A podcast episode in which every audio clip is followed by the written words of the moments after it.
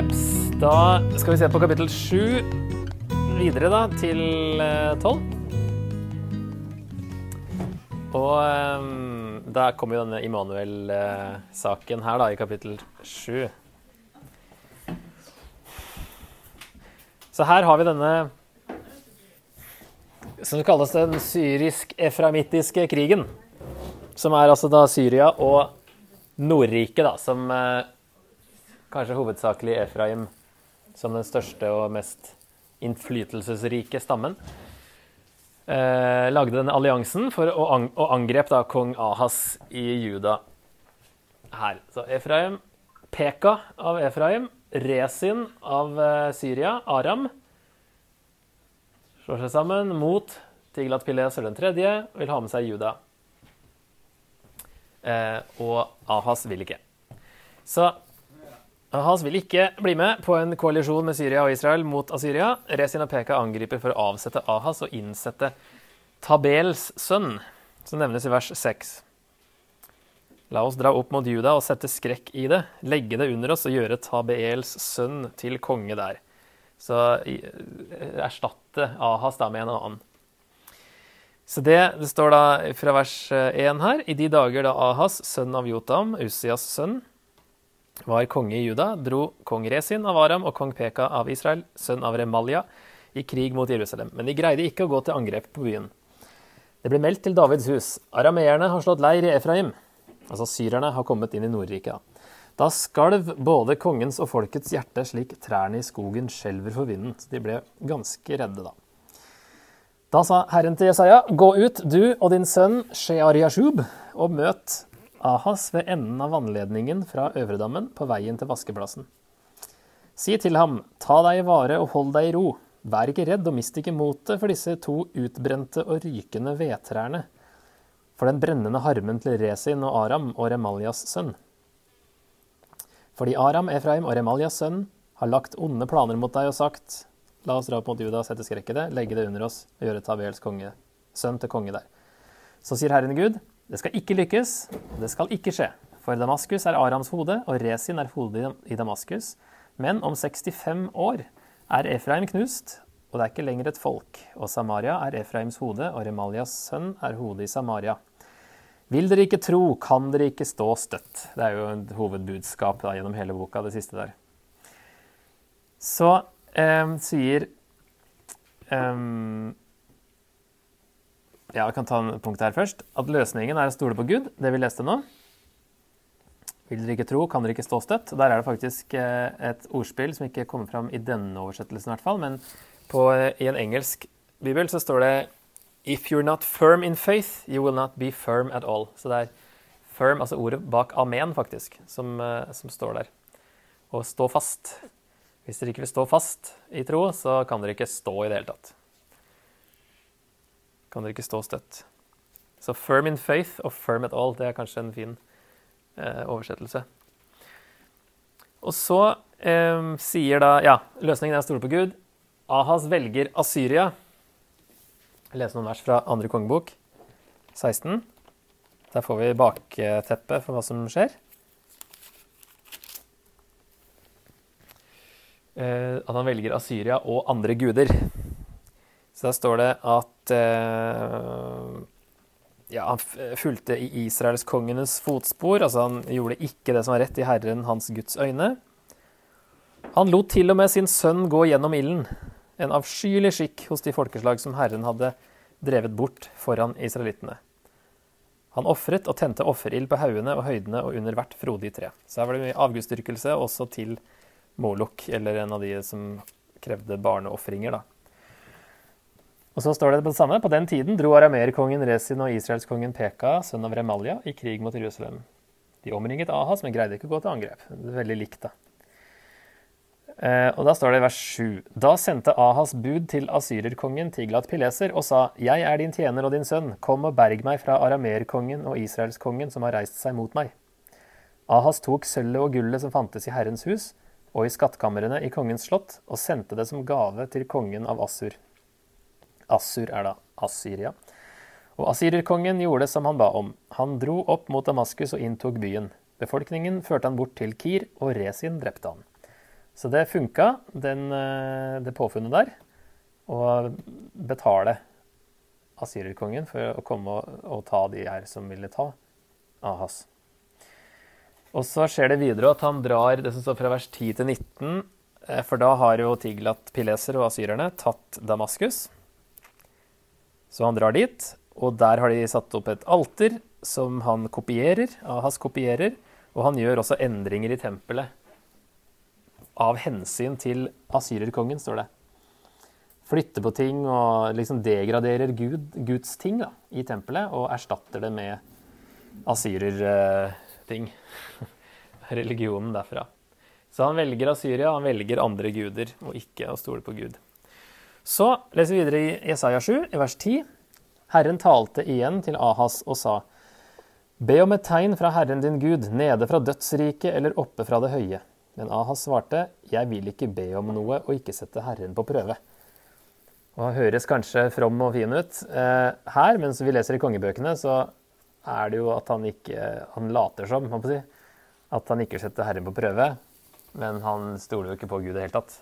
Han eh, går jo litt bak ryggen på, på i hvert fall Israel og Syria da, og um, henter inn Assyria.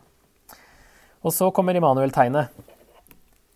Eh, altså Gud er med, Gud med oss, Gud er med oss, som det betyr. Vers 13. Da sa han, altså Jesaja, da. Så hør, da, Davids hus, er det ikke nok at dere tretter mennesker, må dere også trette min Gud. Derfor skal Herren selv gi dere et tegn. Se, den unge jenta skal bli med barn og føde en sønn, og hun skal gi ham navnet Immanuel. Rømme og honning skal han spise inntil han forstår å forkaste det onde og velge det gode. For før gutten forstår å forkaste det onde og velge det gode, skal det bli øde i landet til de to kongene du frykter. Og over deg og ditt folk og din fars hus skal Herren la det komme dager som det ikke har vært siden Efraim skilte seg fra Juda, kongen av Assur. Ok, så her er det da dette som brukes i Matteus 23. Der er det jo Jesus som er eh, Gud med oss, Immanuel. Men det skulle jo være et tegn for Ahas her. Hvordan kan Jesus være et tegn for Ahas? Ehm, her høres det ut som det er noe på den tida også. Men her, det som sies, da, at ehm, Syria og Israel, altså de to kongene han frykter, de skal være borte før gutten vet forskjell på godt og ondt. Trusselen var borte i 732 da Syria angrep deg tre år senere. Og det kan jo være før gutten har skjønt forskjell på godt og ondt, eh, sånn to-tre år, at han begynner å forstå litt. Så er spørsmålet da, hvem var dette her? Hvis det skjedde, var på den tida? Så eh, det som kanskje er beste forslaget, da, hvis det skal ha vært noe på den tida, det er om det kanskje var Jesajas egen sønn, fordi det er en parallell mellom vers 16, forstå å forkaste det onde og velge det gode.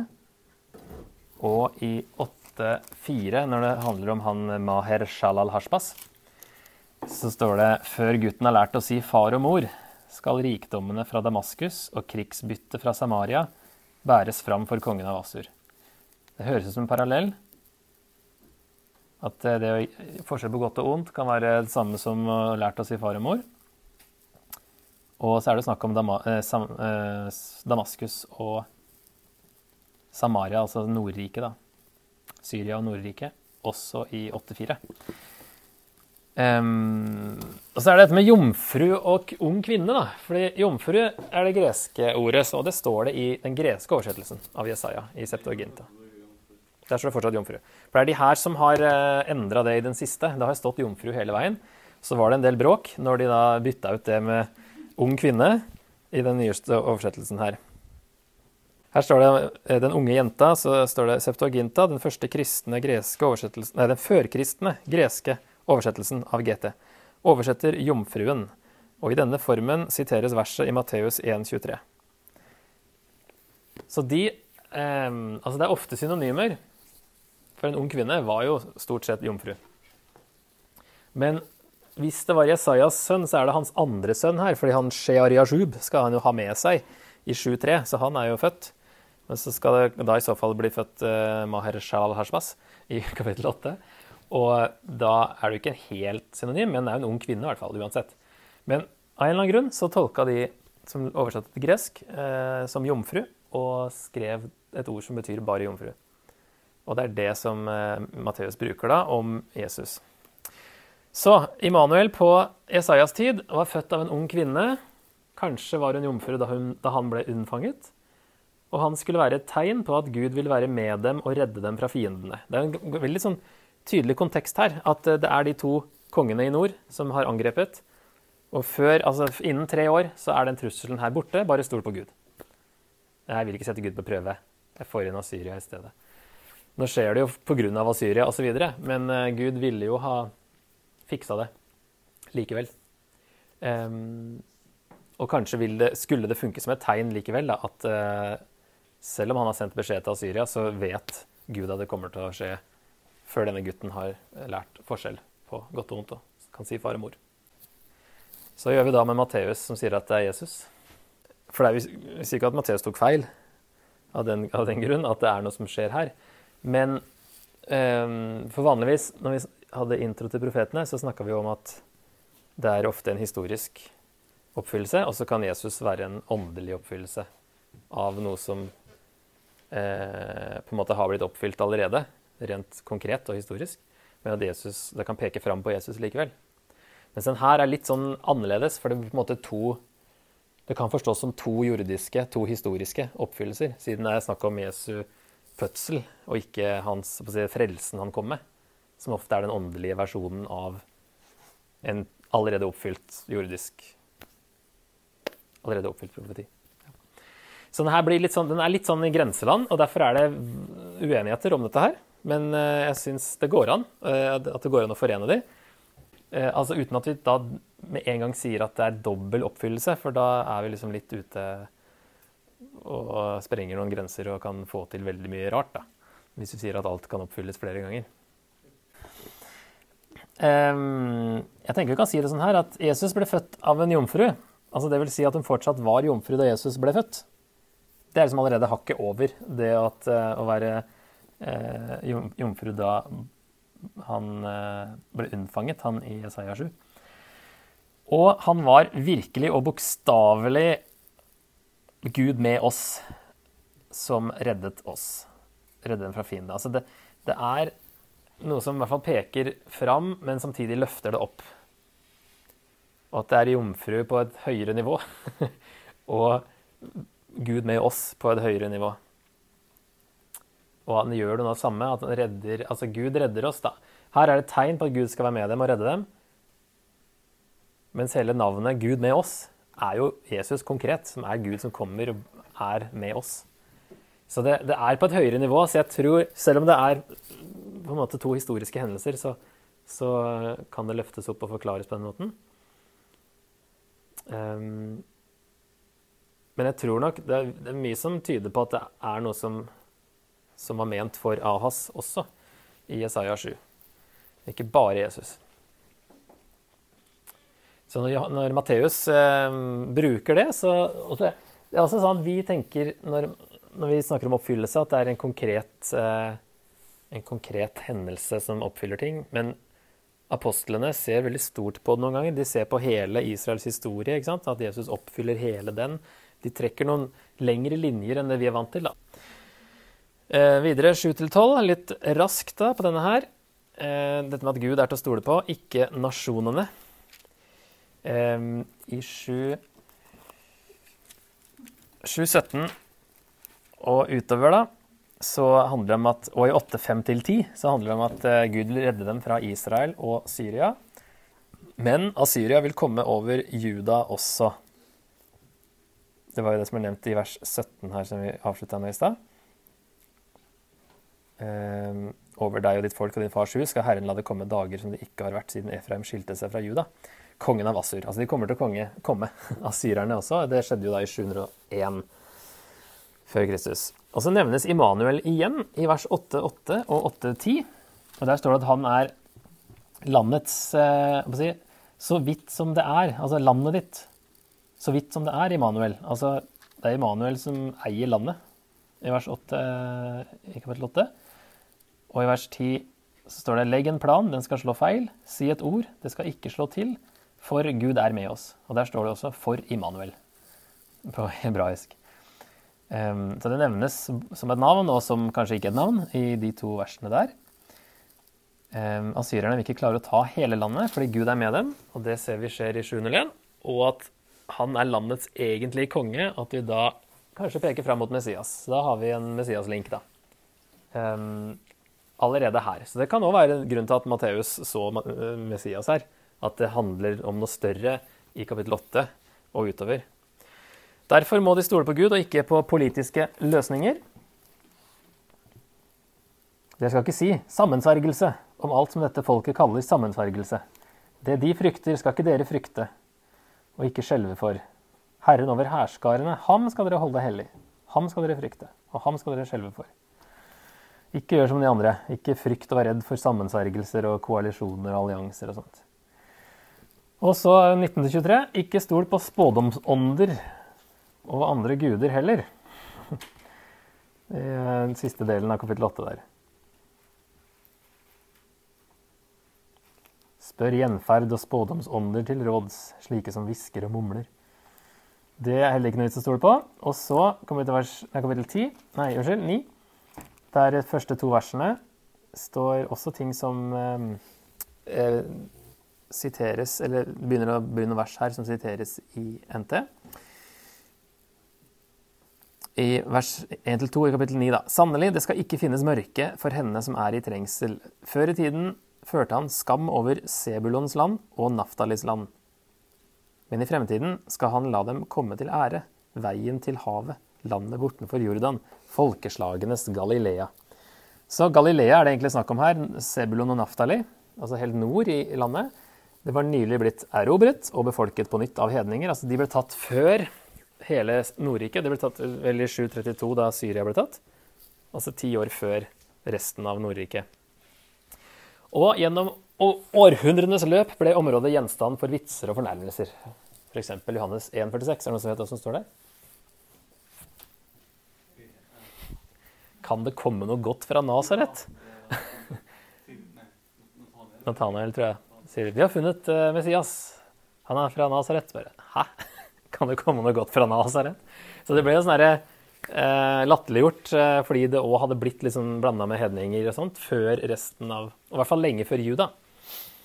Um, og det her, sier Matteus, ble oppfylt, de versene her, når Jesus flytter til Kapernaum, som da lå i det området. Og han på en måte setter Galilea på kartet igjen. Og Jesus er det lyset som stråler fram. I vers 2 blir det da. Det folket som vandrer i mørket, ser et stort lys. Over dem som bor i dødsskyggens land, stråler, stråler lyset fram. Så her nå handler det ikke om Jesus egentlig her, men at det på en måte oppfylles eh, med Jesus, det også.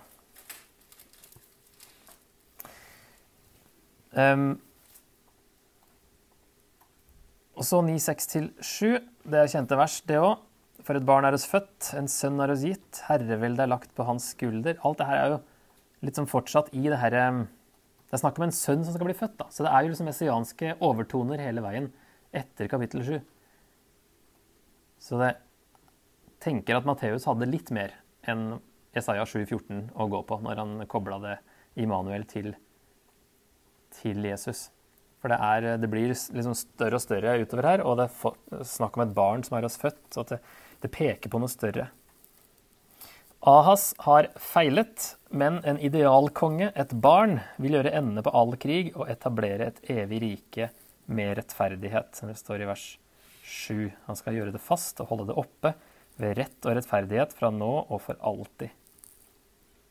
Det peker jo på Messias. Så det er eh, messianske ting utover her. Jesus er tydeligere enn mange andre steder. Men litt grann fra kapittel 10 Det er interessant å se, og det må vi nesten kikke litt på, fordi hvordan Gud bruker asyrerne. Eh, hvis vi ser fra vers 5 i kapittel 10 Dette her er forresten eh, dagens eh, si, en del av det som er igjen av Ninive. Nå drev vel IS og ødela ting der. Dette er en av portene, tror jeg. Altså ligger ved Irak. Der Mos Mosul er jo dagens Ninive. Der IS holdt til. Um, for Guds, her fra vers 5 så snakker Gud om at uh, altså overskriften her er dommen over Assur. Altså de skal også dømmes. Gud bruker dem som sin tjener. Vers 5-6. Stokken de har i hånden, er min harme. Jeg sender ham mot et ugudelig folk, altså asyrerkongen, da, eller Asyria som en person. Byr ham fare mot folket jeg er harm på, for å plyndre og røve, ta bytte og rov, og tråkke det ned som avfall i gaten. Gud bruker han til å dømme. Men det er ikke slik han mener det, og ikke slik hans hjerte tenker det. For han vil utrydde, eh, ødelegge og utrydde mange folkeslag. Så uten at de vet det, så brukes de av Gud. Når Gud har utført sin plan, skal asyrerne også bli dømt for sin stolthet, som kommer fra vers 12. Men det skal skje når Herren har fullført hele sitt verk på Sionfjellet og i Jerusalem. Da krever jeg kongen av Assur til regnskap for frukten av hans hovmodige hjerte og glimtet i hans stolte øyne. For han har sagt, dette har jeg gjort med min sterke hånd og i min visdom, for jeg er klok. Jeg flyttet folkenes grenser og plyndret skattene deres. Med makt har jeg drevet innbyggerne ut. Ja, Så det, er sånn Gud eh, holder på. Bruker et folk uten at de vet det. Um, og så dømmes de òg for stolthet og ondskap og andre ting.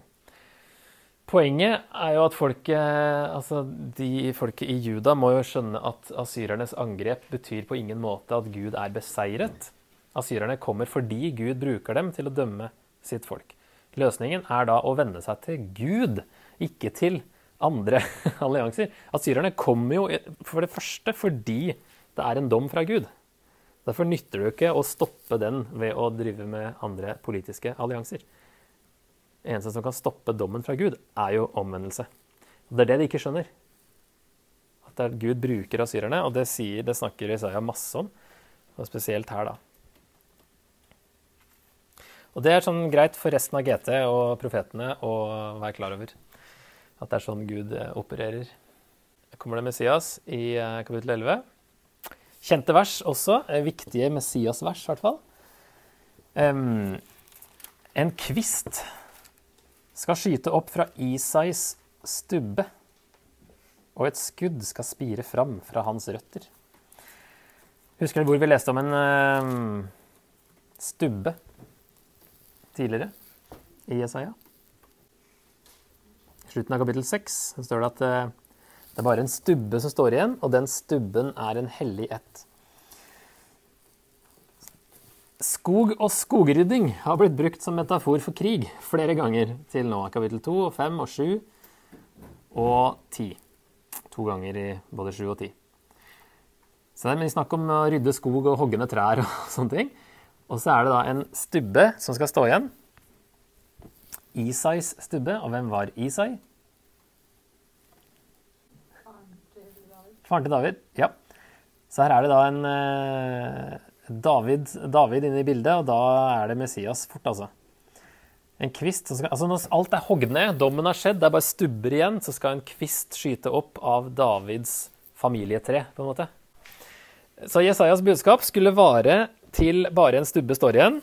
Den stubben er en hellighet, sto det i 6.13. Og i 4.2 er det snakk om en stubbe der òg. Den dagen skal herren spi, Herrens spire. Ja. Det er ikke stubbe, men en spire der.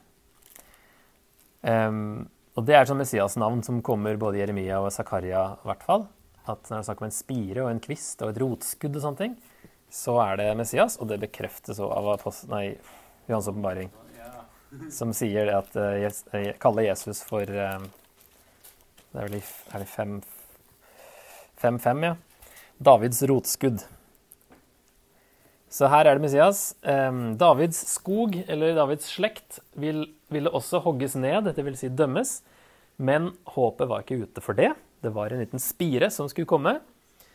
Og så beskrives det videre her at Messias Herrens ånd skal hvile over ham, en ånd med visdom og forstand, en ånd med råd og styrke, en ånd som gir kunnskap og frykt for Herren. Det beskrives at Messias da vil ha Herrens ånd. Det tas opp tydelig av Lukas, nevner det flere ganger. Han skal dømme rettferdig, han skal bringe fred, og alle skal kjenne Gud, og folkeslagene skal komme. Yes. Det er fint. Og så er det snakk om en ny utgang i den siste delen, 11-16. Fra hele deres kjente verden. Altså de stedene som nevnes, er liksom ytterpunktene og rundt omkring i deres verdensbilde. Da. Den dagen skal Herren for annen gang rekke hånden ut for å kjøpe fri resten av folket sitt. Den dagen Det ser ut til å sette det i en Messias-kontekst, syns jeg, fordi det står det samme i vers 10. Den dagen skal Isais rotskudd stå som et banner for folkene. Og det høres ut som at Hvis vi tar bort overskrifta, som er satt inn her, så er det jo samme dagen, får vi inntrykk av, da, i vers 10 og 11. Den dagen så skal Messias eh, Jesus være et banner for folkene. Altså folkeslagen skal søke ham. Evangeliet går ut i hele verden. Også den dagen skal Herren for annen gang rekke hånden ut for å kjøpe fri. Og så er det jo Messias er den som samler disse folkene her. Um, han skal løfte et banner for folkene. Banneret er jo nevnt i vers 10 som, uh, som, Messias. Samle de fordrevne av Israel og føre sammen de spredte av Juda fra de fire verdenshjørner. Så Messias samler både folkene og Israel og Juda fra de fire verdenshjørner.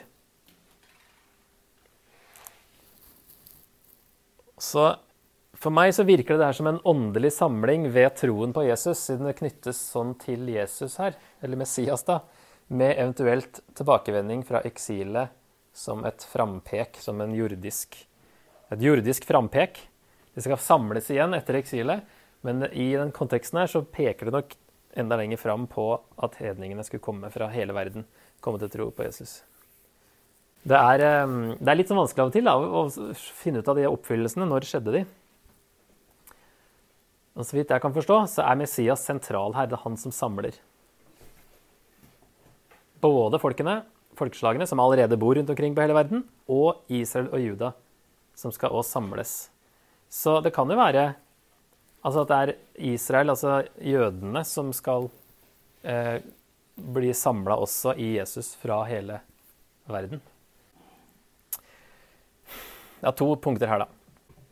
I kapittel 12 skal folket takke for frelsen, hvis jeg rakk å lese det, da. Og gjøre Gud og hans gjerninger kjent blant folkene. På samme måte følger eh, hedningemisjonen i NT av at Messias har kommet, som vi så her i kapittel 11. Ikke sant? At eh, da skal vi gjøre Guds gjerninger kjente. Sier vi som Jesaja, 'Jeg, send meg, jeg vil gå'. Det er ett punkt. Det andre er dette med Ahas. Han stoler på Asyria gir sølv og gull fra tempelet til asyrerne, kopierer alteret deres og gjør endringer i tempelet ved hensyn til asyrerkongen. 2. kongebok 16. Når vi stoler på noe annet enn Gud fordi vi er redde, kan det føre til et åndelig kompromiss, er vel kanskje en tidløs sannhet. Og så fant jeg fra mm, i salmeboka til Keller, salme 27, så sa han noe som passa veldig godt her. If our greatest treasure, communion with the living God, is safe, of what can we be afraid? Yet we are afraid of so many things. So our fears can serve an important purpose. They show us where we have really located our heart's treasure. Follow the pathway of the fear back into your heart to discover the things you love more than God. Hva frykter du? Klarer du å finne ut hva frykten kommer av?